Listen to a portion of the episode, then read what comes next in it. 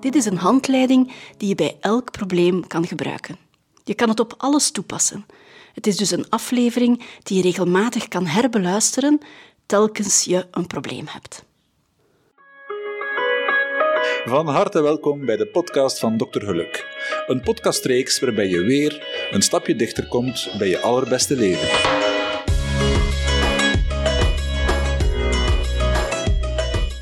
We maken het allemaal regelmatig wel mee. Er stelt zich een probleem. Het kan een groot probleem zijn, het kan een klein probleem zijn. Een probleem allerhande. Dan is de eerste vraag: is er nu een probleem? Of verdwijnt het probleem vanzelf? Wat als je wacht? Gaat tijd sowieso raad brengen? Dan hoef je je er verder niet druk over te maken. Een tweede belangrijkste vraag is: ben jij in controle of is de andere in controle? Want als jij toch niks in te brengen hebt, ja, dan heeft het ook geen zin om je er zorgen over te maken. Je hebt dus een probleem. En dan is het belangrijk om te weten: wil jij raad van iemand? Of wil je gewoon je hart eens luchten? Wil je gewoon begrip? Of nog, wil jij goedkeuring? Zit jij met een probleem en weet jij de oplossing al en wil je gewoon iemand anders horen of iemand bepaald horen die daar dan zijn goedkeuring over geeft? Het is heel belangrijk dat jij aangeeft wat je wil als jij met iemand anders over jouw probleem praat. Want ongevraagd advies is bemoeienis. We kennen het allemaal. En het is zeker ook iets dat ik ken, waarschijnlijk ook vanuit mijn beroep, een beetje beroepsmisvorming, dat ik heel vaak ongevraagd advies ga geven. Ik moet me daarvoor inhouden. Maar soms wil iemand anders gewoon eens vertellen hoe hij of zij zich voelt, zonder direct een oplossing te krijgen. Dus heel belangrijk, als je iets vertelt en je hebt eigenlijk geen raad nodig, je hebt een probleem, maar je weet dat je het zelf kan oplossen, of je weet dat de tijd het kan oplossen, of je weet dat het toch niet in jouw macht ligt, maar misschien wil je gewoon je hart luchten, zeg dat dan. Ik ga je iets vertellen, maar het is niet de bedoeling dat je mij advies geeft. Misschien heb je wel raad nodig van iemand. Misschien raak je er alleen niet uit. En dan is het heel belangrijk om te weten aan wie vraag je raad, want iedereen gaat iets anders zeggen. Als jij bijvoorbeeld raad vraagt aan een kind, ja, een kind gaat heel spontaan antwoorden. Hè? Een kind gaat geen rekening houden met belemmerende gedachten of gaat geen rekening houden met praktische argumenten. Een kind gaat misschien gewoon zeggen, ah, leuk. Of, oh nee, zou ik niet doen, vind ik niet leuk. Anderzijds, als je het vraagt aan iemand met veel levenservaring, is het ook belangrijk, is dat iemand die verbitterd is? Of is dat iemand die heel wijs is? Iemand die verbitterd is, die gaat eerder een negatief antwoord geven. Hè? Die gaat het misschien jou niet gunnen van succes te boeken. Of die gaat vanuit zijn eigen levenservaring, vanuit zijn eigen mislukte leven, een heel bitter antwoord geven. Het kan zijn als je het vraagt aan iemand met weinig levenservaring, aan iemand die jong is bijvoorbeeld, ja, dat je een naïver antwoord krijgt. Hè? Iemand jong kan nog vol idealen zitten, kan vaak ook veel enthousiaster zijn dan iemand die al wat tegenslagen gehad heeft. Soms is het heel waardevol om jouw advies te vragen aan iemand van een totaal andere cultuur, van een ander land, iemand met een volledig andere achtergrond, want die hebben vaak een andere kijk op de dingen, vanuit hun eigen cultuur. Stel bijvoorbeeld, je hebt een probleem, je geraakt maar niet uit je rouw, je hebt iemand zo graag gezien en je blijft maar rouwen, of er is iemand overleden. Mensen uit andere culturen gaan daar altijd een heel ander antwoord op geven dan jouw naaste vrienden bijvoorbeeld. Wat als je jouw probleem met je ouders bespreekt? Vanuit welke achtergrond gaan die mensen jou raad geven? Welke waarden en normen hebben die mensen? Gaan zij jou antwoorden vanuit een bezorgdheid, vanuit een overbescherming of vanuit een eigen verbitterdheid? Of gaan zij jou een antwoord geven vanuit afgunst, omdat ze een beetje jaloers zijn, omdat jij wel iets van je leven maakt en hun leven al bij al niet zo bijzonder was? Stel dat je raad vraagt over jouw job, over veranderen van job. Ja, houd er rekening mee dat mensen van vroegere generaties heel blij waren met een vaste job en dat zij vaak tot het einde van hun loopbaan bleven werken bij, de, bij dezelfde werkgever. Dus veranderen van werk, dat vinden die maar niks. Stel nu dat je raad vraagt aan iemand die zelfstandig is, over je job bijvoorbeeld. Die gaat een heel ander antwoord geven dan iemand die altijd gehoord heeft dat je geen risico's mag nemen. Dat je als zelfstandige geen zekerheden hebt. Dus stel je altijd de vraag aan wie vraag ik raad? Wat wil ik eigenlijk horen of wat kan ik verwachten van die of die persoon? Iemand die ziek is, iemand die gezond is, je gaat een heel ander antwoord krijgen. Iemand die ziek is gaat misschien zeggen, ga ervoor. Pik alles mee, ik kan het niet meer, maar doe jij het nog? Je leeft maar één keer. Iemand die gezond is gaat misschien zeggen, doe dat binnen, binnen vijf jaar. Je hebt nog tijd genoeg. Want die gaat zijn gezondheid als vanzelfsprekend beschouwen. Persoonlijk heb ik heel veel geleerd van de mensen bij wie ik euthanasie uitvoer. Voordien heb ik heel lange gesprekken met hen over hun leven, over hun al of niet vervulde dromen, over hun verwachtingen, over hun gevoel op het einde van hun leven. En ik leer daar heel veel uit. Die mensen geven mij heel veel raad vanuit hun eigen leven. Ik heb heel veel geleerd van andere levens zonder ze zelf te moeten leven. Voor sommige dingen ga je beter raad vragen bij een professional, maar leg die raad ook naast die van een leek. Heb heel dikwijls gedacht als ik werkte als huisarts, wat zou iemand met gezond boerenverstand hier nu op antwoorden? Of als ik met een probleem zit, wat zou de buurvrouw nu zeggen? Voor mezelf ben ik al heel vaak geholpen met lichaamsgerichte therapie. Dat zijn vooral oefeningen ehm, waar het lichaam jou het antwoord geeft, waar je niet zozeer moet praten, maar waar het lichaam jou je antwoorden geeft. Maar ik ga ook in psychoanalyse en die twee die zijn heel aanvullend. Bij de ene ga je veel praten en krijg je feedback van de psycholoog, en bij het andere gaat jouw lichaam jou de antwoorden geven. Door jou dingen te tonen, door, door jou te laten werken met voorwerpen, met poppetjes bijvoorbeeld met je eigen lichaam. Social media kan jou ook veel helpen met problemen op te lossen. Het voordeel van social media is dat je heel veel verschillende invalshoeken kan bekijken. Je, kan, eh, je hebt heel snel toegang tot allerlei personen, tot allerlei informatie. Anderzijds moet je ook goed filteren. Want de eerste vraag die je moet stellen op social media is: is wat ik zie ook waar? Zijn die mensen ook authentiek genoeg? Kan ik die geloven? Leven die het leven dat ze zelf verkondigen. Je kan een mening hebben, maar leef je die dan zelf ook? En dat is dikwijls een valkuil bij social media natuurlijk. Hè? Dat je opkijkt naar personen die iets vertellen, maar is dat dan ook wel werkelijk zo? Als jij advies vraagt aan iemand anders, is dat een onzeker persoon of is dat iemand vol zelfvertrouwen? Ook dat is een groot verschil. Hè? Iemand die heel onzeker is, die gaat geen risico's nemen. Die gaat veel liever in zijn comfortzone blijven. Waar iemand vol zelfvertrouwen veel risico's gaat durven nemen. Als je nog maar heel weinig successen geboekt hebt in je leven, als je het gevoel hebt dat alles wat je onderneemt, dat dat mislukt, dan ga je misschien iemand anders daarvoor willen behoeden. En het omgekeerde is ook waar. Als alles lukt, ja, waarom zou je iemand anders dan niet aanmoedigen om het ook te proberen? Kijk op voorhand van wie is die persoon, waar staat die voor en welk antwoord zou ik nu graag van die persoon horen? Of waarom precies ga ik nu bij die persoon te raad? Er is iets waarom dat je raad vraagt aan die bepaalde persoon. Misschien weet je, dat is iemand die voorzichtig is, die gaat mij misschien wel beschermen, die gaat mij misschien wijzen op dingen die ik zelf niet zie, omdat ik zelf te onbezonnen ben bijvoorbeeld. Of als ik een bang persoon ben, dan ga ik misschien eerder iemand opzoeken waar ik naar opkijk, wiens durf ik bewonder en die mij misschien over de streep gaat trekken. Er is ook een verschil tussen mannen en vrouwen. Hè. Dat is misschien stereotyp wat ik nu ga zeggen, maar ik heb ooit een boekje gelezen, je kent het waarschijnlijk, Mannen komen van Mars, vrouwen komen van Venus. En daar stond een voorbeeld in dat ik heel vaak uh, gebruik om uit te leggen aan andere mensen. Er stond bijvoorbeeld een voorbeeld in van een vrouw die problemen had op het werk en die thuiskomt en die ventileert en die tegen haar man vertelt, vertelt, vertelt over haar werk en over alle miserie daar op het werk. En die man komt direct met oplossingen aandraven.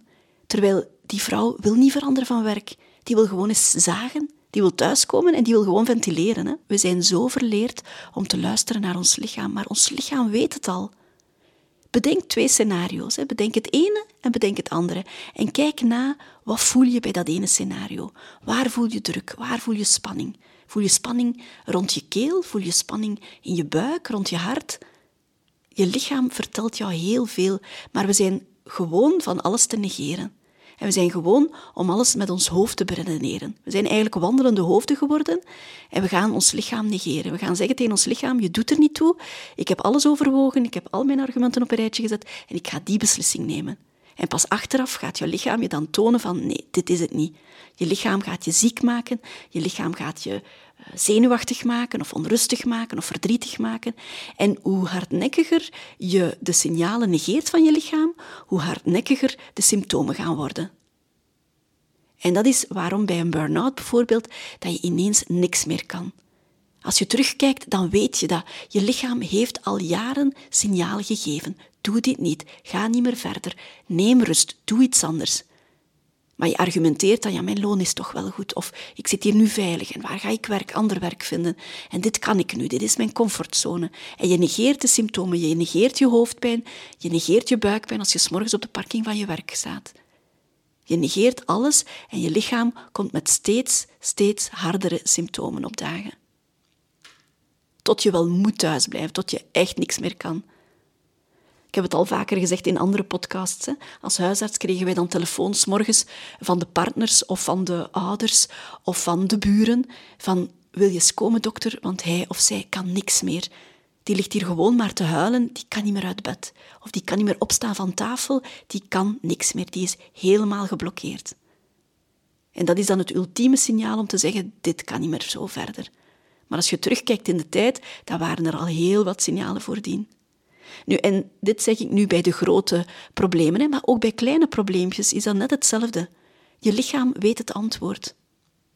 Twee scenario's en kijk na hoe je je voelt bij het ene scenario en kijk hoe je lichaam doet met het andere scenario. Bij een coaching bijvoorbeeld laat ik de mensen dan op twee verschillende stoelen zitten van kijk, dit is jouw scenario A. Hoe voelt dat? Waar voel je het allemaal? Oké, we nemen het andere scenario. Wat voel je nu? En je lichaam geeft jou het antwoord.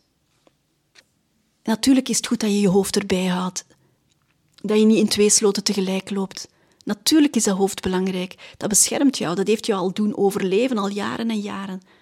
Maar je lichaam mag je ook niet negeren. Wat ik ook heel belangrijk vind en een heel goed trucje om jouw keuze duidelijker te maken, dat is, kies jij vanuit je ego of kies jij vanuit een alles overheersende liefde. En dat bedoel ik niet de romantische liefde, maar de liefde voor, voor de wereld, de liefde voor de mensen die je graag ziet, de liefde voor, voor, uh, voor jezelf ook in de eerste plaats. Want daar is ook je ego, je trots, je imago. Wat gaan anderen van jou denken? Hoe zit het met je status? Wat als je minder gaat verdienen? Wat als je die keuze maakt en je krijgt een oordeel van anderen? Je ego, hè? Waarvoor ben je bang? Wat werd ooit tegen jou gezegd dat maakt dat jij dit niet durft doen of dat jij die beslissing niet durft nemen? Wat geloof jij over jezelf? Of wat geloof jij over de ander? Of wat geloof jij de anderen over jou denken? Hoe denk jij over de wereld? Waarvoor ben jij bang? En stel je eens voor, wat als het wel lukt? Wat als jij scenario A kiest en het lukt wel? Hoe zou dat zijn voor jou? Of hoe zou het zijn als jij niks beslist? Als jij blijft zitten, misschien is dat ook goed. Misschien is de stap te groot, misschien moet je kleine stapjes nemen. Of misschien blijf jij liever in die comfortzone zitten tot als de pijn te groot wordt. We zeggen wel eens, je blijft zitten tot de pijn zo groot wordt dat je wel wil veranderen. En tot dan is het misschien beter om in die comfortzone te blijven zitten, waar het je geen moeite kost, maar waar je ook niet gaat groeien. Schrijf eens al jouw normen en je waarden op. Hè. Dat doe ik ook in de coaching. Wat heb je te verliezen bij het ene scenario en wat heb je te verliezen bij het andere? Waarvoor sta jij? Hoe wil jij herinnerd worden? Als je morgen zou sterven, wat wil jij dat mensen over jou zeggen? En toets die waarden en die normen eens bij beide scenario's. Bij die kleine keuze, bij die grote keuze. Bij dat klein probleempje of bij die groot probleem. En dikwijls kom je er heel snel uit passen die normen en die waarden bij die ene keuze of passen die beter bij die andere keuze? Wat kost het jou om niet te kiezen? Stel, je gaat geen keuze maken en je blijft zitten. Wat kost jou dat? Kost jou dat lichamelijke klachten? Kost jou dat een oordeel op jezelf bijvoorbeeld? Wat kost het jou om niet te kiezen? En hoe zou het zijn om wel te kiezen? Het ene scenario of het andere? Kies jij vanuit angst of kies jij vanuit liefde? Kies jij vanuit angst van het zal niet lukken of het zal mij niet lukken? Of wat gaan ze zeggen over mij? Of hoe anders gaat mijn leven zijn? Of kies je vanuit een liefde, en daarmee bedoel ik een liefde van een vertrouwen dat alles goed komt. Een liefde van alles zit al in mij en ik kom er wel. Ik heb mijn eigen kracht waar ik kan op vertrouwen en het lukt mij wel. Niet die romantische liefde, maar die alles overheersende liefde. Kies je vanuit ego of vanuit liefde? Kies je vanuit angst of kies je vanuit liefde? Blijf je in de comfortzone zitten of ga je voor groei? Er is zo'n mooi gedicht, ik heb dat al eens vernoemd op Instagram, denk ik. Een uh, mooi gedicht over de weg die jou kiest. Het is niet jij die de weg kiest, maar uh, de weg die jou kiest. Ik ga dat gedicht ook bij de noot zetten, bij de inhoud van mijn podcast, als je het opzoekt. Wat mij ook zelf al geholpen heeft, dat is raad vragen aan een overleden dierbare. Een tijdje was dat mijn grootmoeder. Nu, niet voor alle dingen, want ik weet dat zij over heel veel dingen een bekrompen idee had. En zij was ook van een generatie van wat gaan de mensen denken. Dus voor heel veel zaken zou ik haar niet raadplegen in gedachten, maar voor andere zaken wel. Hè. Zij had bepaalde talenten en voor die dingen zou ik haar wel raadplegen. En nu, sinds een tijdje vraag ik raad aan mijn vader. Het is te zeggen, ik vraag hem om goeiedag te komen zeggen. En hij komt heel vaak goeiedag zeggen. In liedjes op de radio bijvoorbeeld, of in briefjes die ik vind, of in pluimpjes die ik vind, of in een bloem die ik ineens zie verschijnen. Heel veel goede dagjes krijg ik van hem. En soms vraag ik dan raad of dan vraag ik kracht aan hem en dan komt er ineens weer plots een goede dagje tevoorschijn. Vorige week moest ik een euthanasie uitvoeren. Ik reed er naartoe en ik zei, ga je bij mij zijn? Ga je mij helpen? En ik stap in de auto en het liedje op de radio, hè, niet, niet eens op mijn Spotify-lijst, maar het liedje op de radio was Pastorale van Lisbeth List en Shaffi. En ik zei, Ava, daar ben je. Oké, je gaat met mij mee. En de euthanasie is goed verlopen, hè, heel sereen, heel rustig. En ik stap terug in de auto en ik zei, va, dat ging goed. Hè. Ik zet de radio op, of de radio springt aan als ik in de auto uh, zat. En het was Leonard Cohen. En ik dacht, Ava, daar ben je terug. Fijn, je was al die tijd bij mij, dank je wel.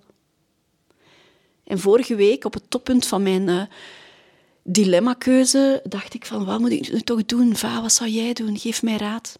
En ik ging in zijn dagboekje kijken, en dat is een dagboekje van vijf jaar geleden. En ik ging kijken op net diezelfde dag, vijf jaar geleden. En hij had daar één zin opgeschreven, één zinnetje maar. En dat ene zinnetje was, ervaring is de som van al je vergissingen. En dat was een zinnetje dat ik op dat moment heel erg nodig had. En ik dacht, dankjewel. Dankjewel, vader, was je weer met je goede dagje en met je goede raad. Dus kijk eens na wie voor jou die persoon zou kunnen zijn die jou raad kan geven op bepaalde momenten, met bepaalde keuzes. Het hoeft niet zijn dat je het bij overledenen zoekt. Hè. Het kan zijn dat je in je naaste omgeving genoeg mensen hebt. Maar af en toe kan je en-en proberen. De mensen rond jou, oud of jong, zelfde cultuur, andere cultuur, ouders, kinderen, vrienden, buren, leken, professionals, social media. Je legt alles bij elkaar. En af en toe kan daar de raad van een overledene bij. En wat ik dan ook nog doe, dat is dat ik soms vergader met een heel team van mensen die ik bewonder. In gedachten natuurlijk, hè, niet in het echt. Hè. Die zitten hier niet bij mij aan tafel, want er zijn ook mensen bij die al heel lang overleden zijn. Maar dan probeer ik in vergadering te gaan met mensen waar ik naar opkijk. En dat is een heel verscheiden team. Hè. En dat kan per probleem of per keuze een ander team zijn. Soms zit Nelson Mandela daar bijvoorbeeld bij. Of soms zit Oprah Winfrey erbij bijvoorbeeld. Of soms zit mijn buurvrouw erbij. Of soms zit, um, zit daar een, een, een politicus bij die ik bewonder bijvoorbeeld. Of soms zit daar een schrijver bij. En dan denk ik, ja, wat zou die daar nu van denken? Of mensen die ik vroeger gekend heb. Of mensen die er niet meer zijn. Uit mijn omgeving. Of een oude leerkracht bijvoorbeeld die daarbij zit. En die mij raad geeft. Kijk dat eens na voor jezelf. Wie zou bij jou aan jouw vergadertafel kunnen komen zitten? Ik heb dat eens gehoord in een lezing en die vrouw noemde dat de, haar mastermind. Hè. Laura Langens was dat van manifesteren. Mijn mastermind, zei ze. Dan kom ik samen met mijn mastermind en dan gaan we vergaderen. En dan denk ik, wat zou die daar nu van denken? En welke raad zou die mij geven? Heel interessant gegeven om dat eens te doen. Zeg niet dat je dat over elk klein probleempje moet doen, maar als er belangrijke keuzes in je leven gemaakt moeten worden, kijk wie jij bewondert. Kijk welke levens jij bewondert. En ga met die mensen denkbeeldig aan tafel zitten. Wat zouden die jou influisteren? Welke raad zouden die jou zeggen? En al die raad samen, daaruit distilleer jij je eigen antwoord. En ik blijf het herhalen, je eindconclusie moet je maken in samenspraak met je lichaam. Wat zegt jouw lichaam jou? En als je niet goed kan luisteren naar je lichaam, trek er eens alleen op uit. Ik blijf daar ook voorstander van. Ga eens alleen, en dat moet daarom niet eens op reis zijn. Ik heb daar een podcast over, dat is mijn meest beluisterde podcast. Die is al zo'n 700 keer beluisterd. Dat is de podcastaflevering van waarom alleen op reis gaan je relatie kan redden. Het moet toch zijn dat veel mensen aangesproken worden door die titel. Hè? En Ik vertrek morgen voor bijna drie weken naar Mexico, alleen. Dat was niet het plan, maar dat is het plan wel geworden. Ehm, je hoeft natuurlijk niet zo lang te gaan en je hoeft natuurlijk niet zo ver te gaan. Hè. Je kan al proberen met gewoon een uurtje alleen in het park te gaan wandelen. Het is de periode van de hyacinten nu, de boshyacinten, de wilde boshyacinten. Ga eens alleen naar het bos. Ga eens wandelen in je eentje, zonder koptelefoon, zonder je hond bij waar je moet opletten, zonder andere personen. En kijk eens na welke gedachten er allemaal komen. Gebruik je zintuigen, maar ga ook eens op een bankje zitten. En kijk eens wat er naar jou toe komt welke gedachten oppoppen. En misschien vind je daar de antwoorden al en probeer daar te luisteren naar je lichaam. Wat doet dat met je lichaam? Je denkt iets, maar wat doet dat met je lichaam? Je bedenkt iets, je maakt een keuze, wat doet dat met je lichaam? En hoe meer je dat gaat doen, hoe meer dat je op je lichaam gaat kunnen vertrouwen. In het begin gaat dat heel raar zijn. En je gaat dingen voelen of dingen niet voelen, maar je bent dat niet gewoon, dus je kan daar geen staat op maken. Hoe meer je dat doet, hoe meer je dat gaat doen, hoe meer vertrouwen je gaat hebben en dat je gaat kunnen luisteren naar je lichaam. Maar we zijn dat zo, zo verleerd. En uiteindelijk wint het lichaam het toch van de geest hoor. Je lichaam zal het jou wel vertellen als je verkeerd bent, of als het niet klopt. Dus ga in het weekend eens alleen wandelen. Begin met een uurtje. Als je dat heel eng vindt om alleen erop uit te trekken, begin gewoon met een uurtje. Zet je wekker dus noods en weet van oké, een uurtje kan ik het wel volhouden. Of ga naar zee. Of ga naar een ander plekje waar je weet van daar kom ik tot rust en daar word ik niet gestoord. En als jou dat bevalt, dan kan je dat misschien wel langer doen. Kan je er eens een hele dag op uittrekken. En ik garandeer je, alleen op reis gaan is zo verrijkend. Je hoeft met niemand rekening te houden. Je doet alles op je eigen tempo. En als je een pleaser bent, dan gaat dat zo, zo bevrijdend werken. Want dat is een weekendje, of dat is een dag, of dat is een week, helemaal alleen voor jou waar jij geen rekening moet houden met andere mensen, met intonaties van andere mensen, met lichaamstaal van andere mensen, met woorden van andere mensen, met meningen van andere mensen. Gewoon eens alleen zijn. Maar begin met een uurtje en luister naar je lichaam. Dat is, als er één raad is die ik jou zou moeten geven van die hele aflevering, dat is luister naar je lichaam. En wat ik dan als coach doe, dat is uiteindelijk niks anders dan met een zaklamp schijnen op wat er verborgen zit in jou. Eigenlijk zit het allemaal al in jou, maar daar zit een hele laag uh, oordeel over. Daar zit een hele laag belemmerende gedachten over, overtuigingen die jou aangepraat zijn van vroeger, van mensen die een mening hadden, mensen die jou hun mening opdrongen, of dingen die je gehoord hebt als kind en die je voor waarheid hebt aangenomen.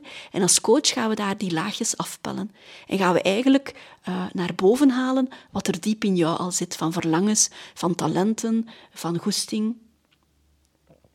Dus het zit eigenlijk allemaal al in jou. Als coach ga je dat gewoon eruit gaan halen. Gaan we dat samen met jou bekijken en gaan we kijken van oké, was dat er eigenlijk klaar? En wat kan er nog niet uitkomen? En dat is uitklaren wat jou tegenhoudt en dat is en kijken wat er al lang verstopt zat. Hè? En vooral eigenlijk nagaan van hoe wil je zijn? Wat wil je zijn? Hoe wil je zijn? Wat is het beeld van jou over relaties, over vriendschappen, over geld, over materiële bezittingen, over werk? Welke mening heb jij daarover? Wat is jouw oordeel daarover? Hoe sta je daar tegenover? En past dat bij wie je eigenlijk diep in je binnenste bent? En neem dat altijd mee als je een beslissing moet nemen. Of dat nu een kleine beslissing is of een grote beslissing. Klopt jouw beslissing met de persoon die jij wil zijn? Hoe wil jij zijn als je oud bent? Wat wil je nog doen? Wat wil je nog leren? Wat wil je nog hebben? Wie wil je rond jou? Wie krijgt jouw tijd, jouw aandacht, jouw liefde? Brengt de beslissing jou verder in de goede richting. In de goede richting van de versie die jij voor jezelf wil zijn. En dat is uiteindelijk wat wij als coach doen. Dat is jou daarbij helpen. Hè? Dat is niet zeggen wat jij moet doen, maar het is gewoon kijken en laagje per laagje afpellen tot de echte jij naar boven komt. Tot alles klopt. En wat ook heel goed helpt, dat is kijken wat je nu al hebt. Ik kom er altijd en altijd en altijd op terug, maar dankbaarheid helpt. Kijken, wat heb je nu al? Hoe sta je er nu voor? Zelfs als ik geen beslissing neem, wat is mijn toestand nu? En wat heb ik nu al om dankbaar voor te zijn? En dan is het misschien allemaal relatief, hè, die keuze die je moet maken. Misschien is er al genoeg. Misschien heb je alles om gelukkig te zijn en hoef je niet eens een beslissing te nemen. Je weet, je kan niet piekeren en dankbaar zijn tegelijkertijd.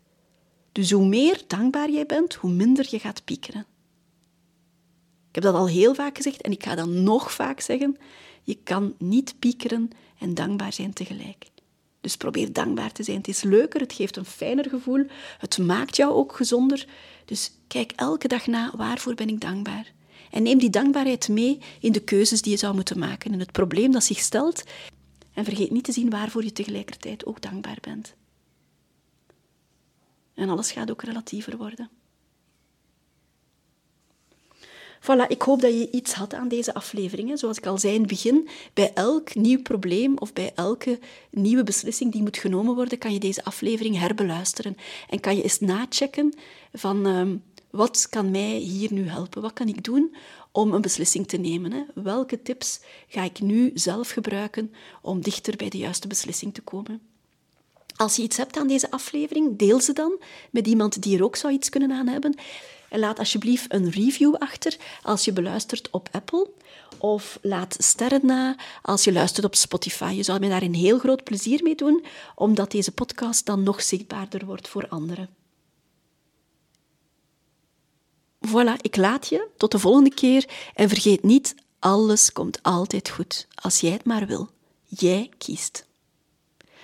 Je vindt mij op Instagram onder Dr. Geluk, je vindt mij op Facebook onder Dr. Geluk. Je kan mijn cursus aankopen, Viva la Vida. Daarin geef ik je heel wat tips om dichter bij jezelf te komen, om dichter bij dat allerbeste leven te komen. Dat zijn allemaal lesjes die je op je eigen tempo kan volgen, met video's, met kleine opdrachtjes, met inspiratie. Je kan die vinden op mijn website en die blijft uh, levenslang beschikbaar. Ik voeg daar ook nieuwe filmpjes aan toe binnenkort, dus je kan die altijd blijven uh, behouden en blijven herbekijken. Als je een afspraak wil maken voor een individuele coaching, dan kan je ook terecht op mijn website, daar vind je mijn agenda. En laat mij ook zeker jouw kritiek weten. Hè. Ik gebruik dat als opbouwende kritiek. Ik ga daar niet boos om zijn. Integendeel, ik ga daar heel dankbaar voor zijn, want ik kan daar wel iets mee. Tot volgende keer.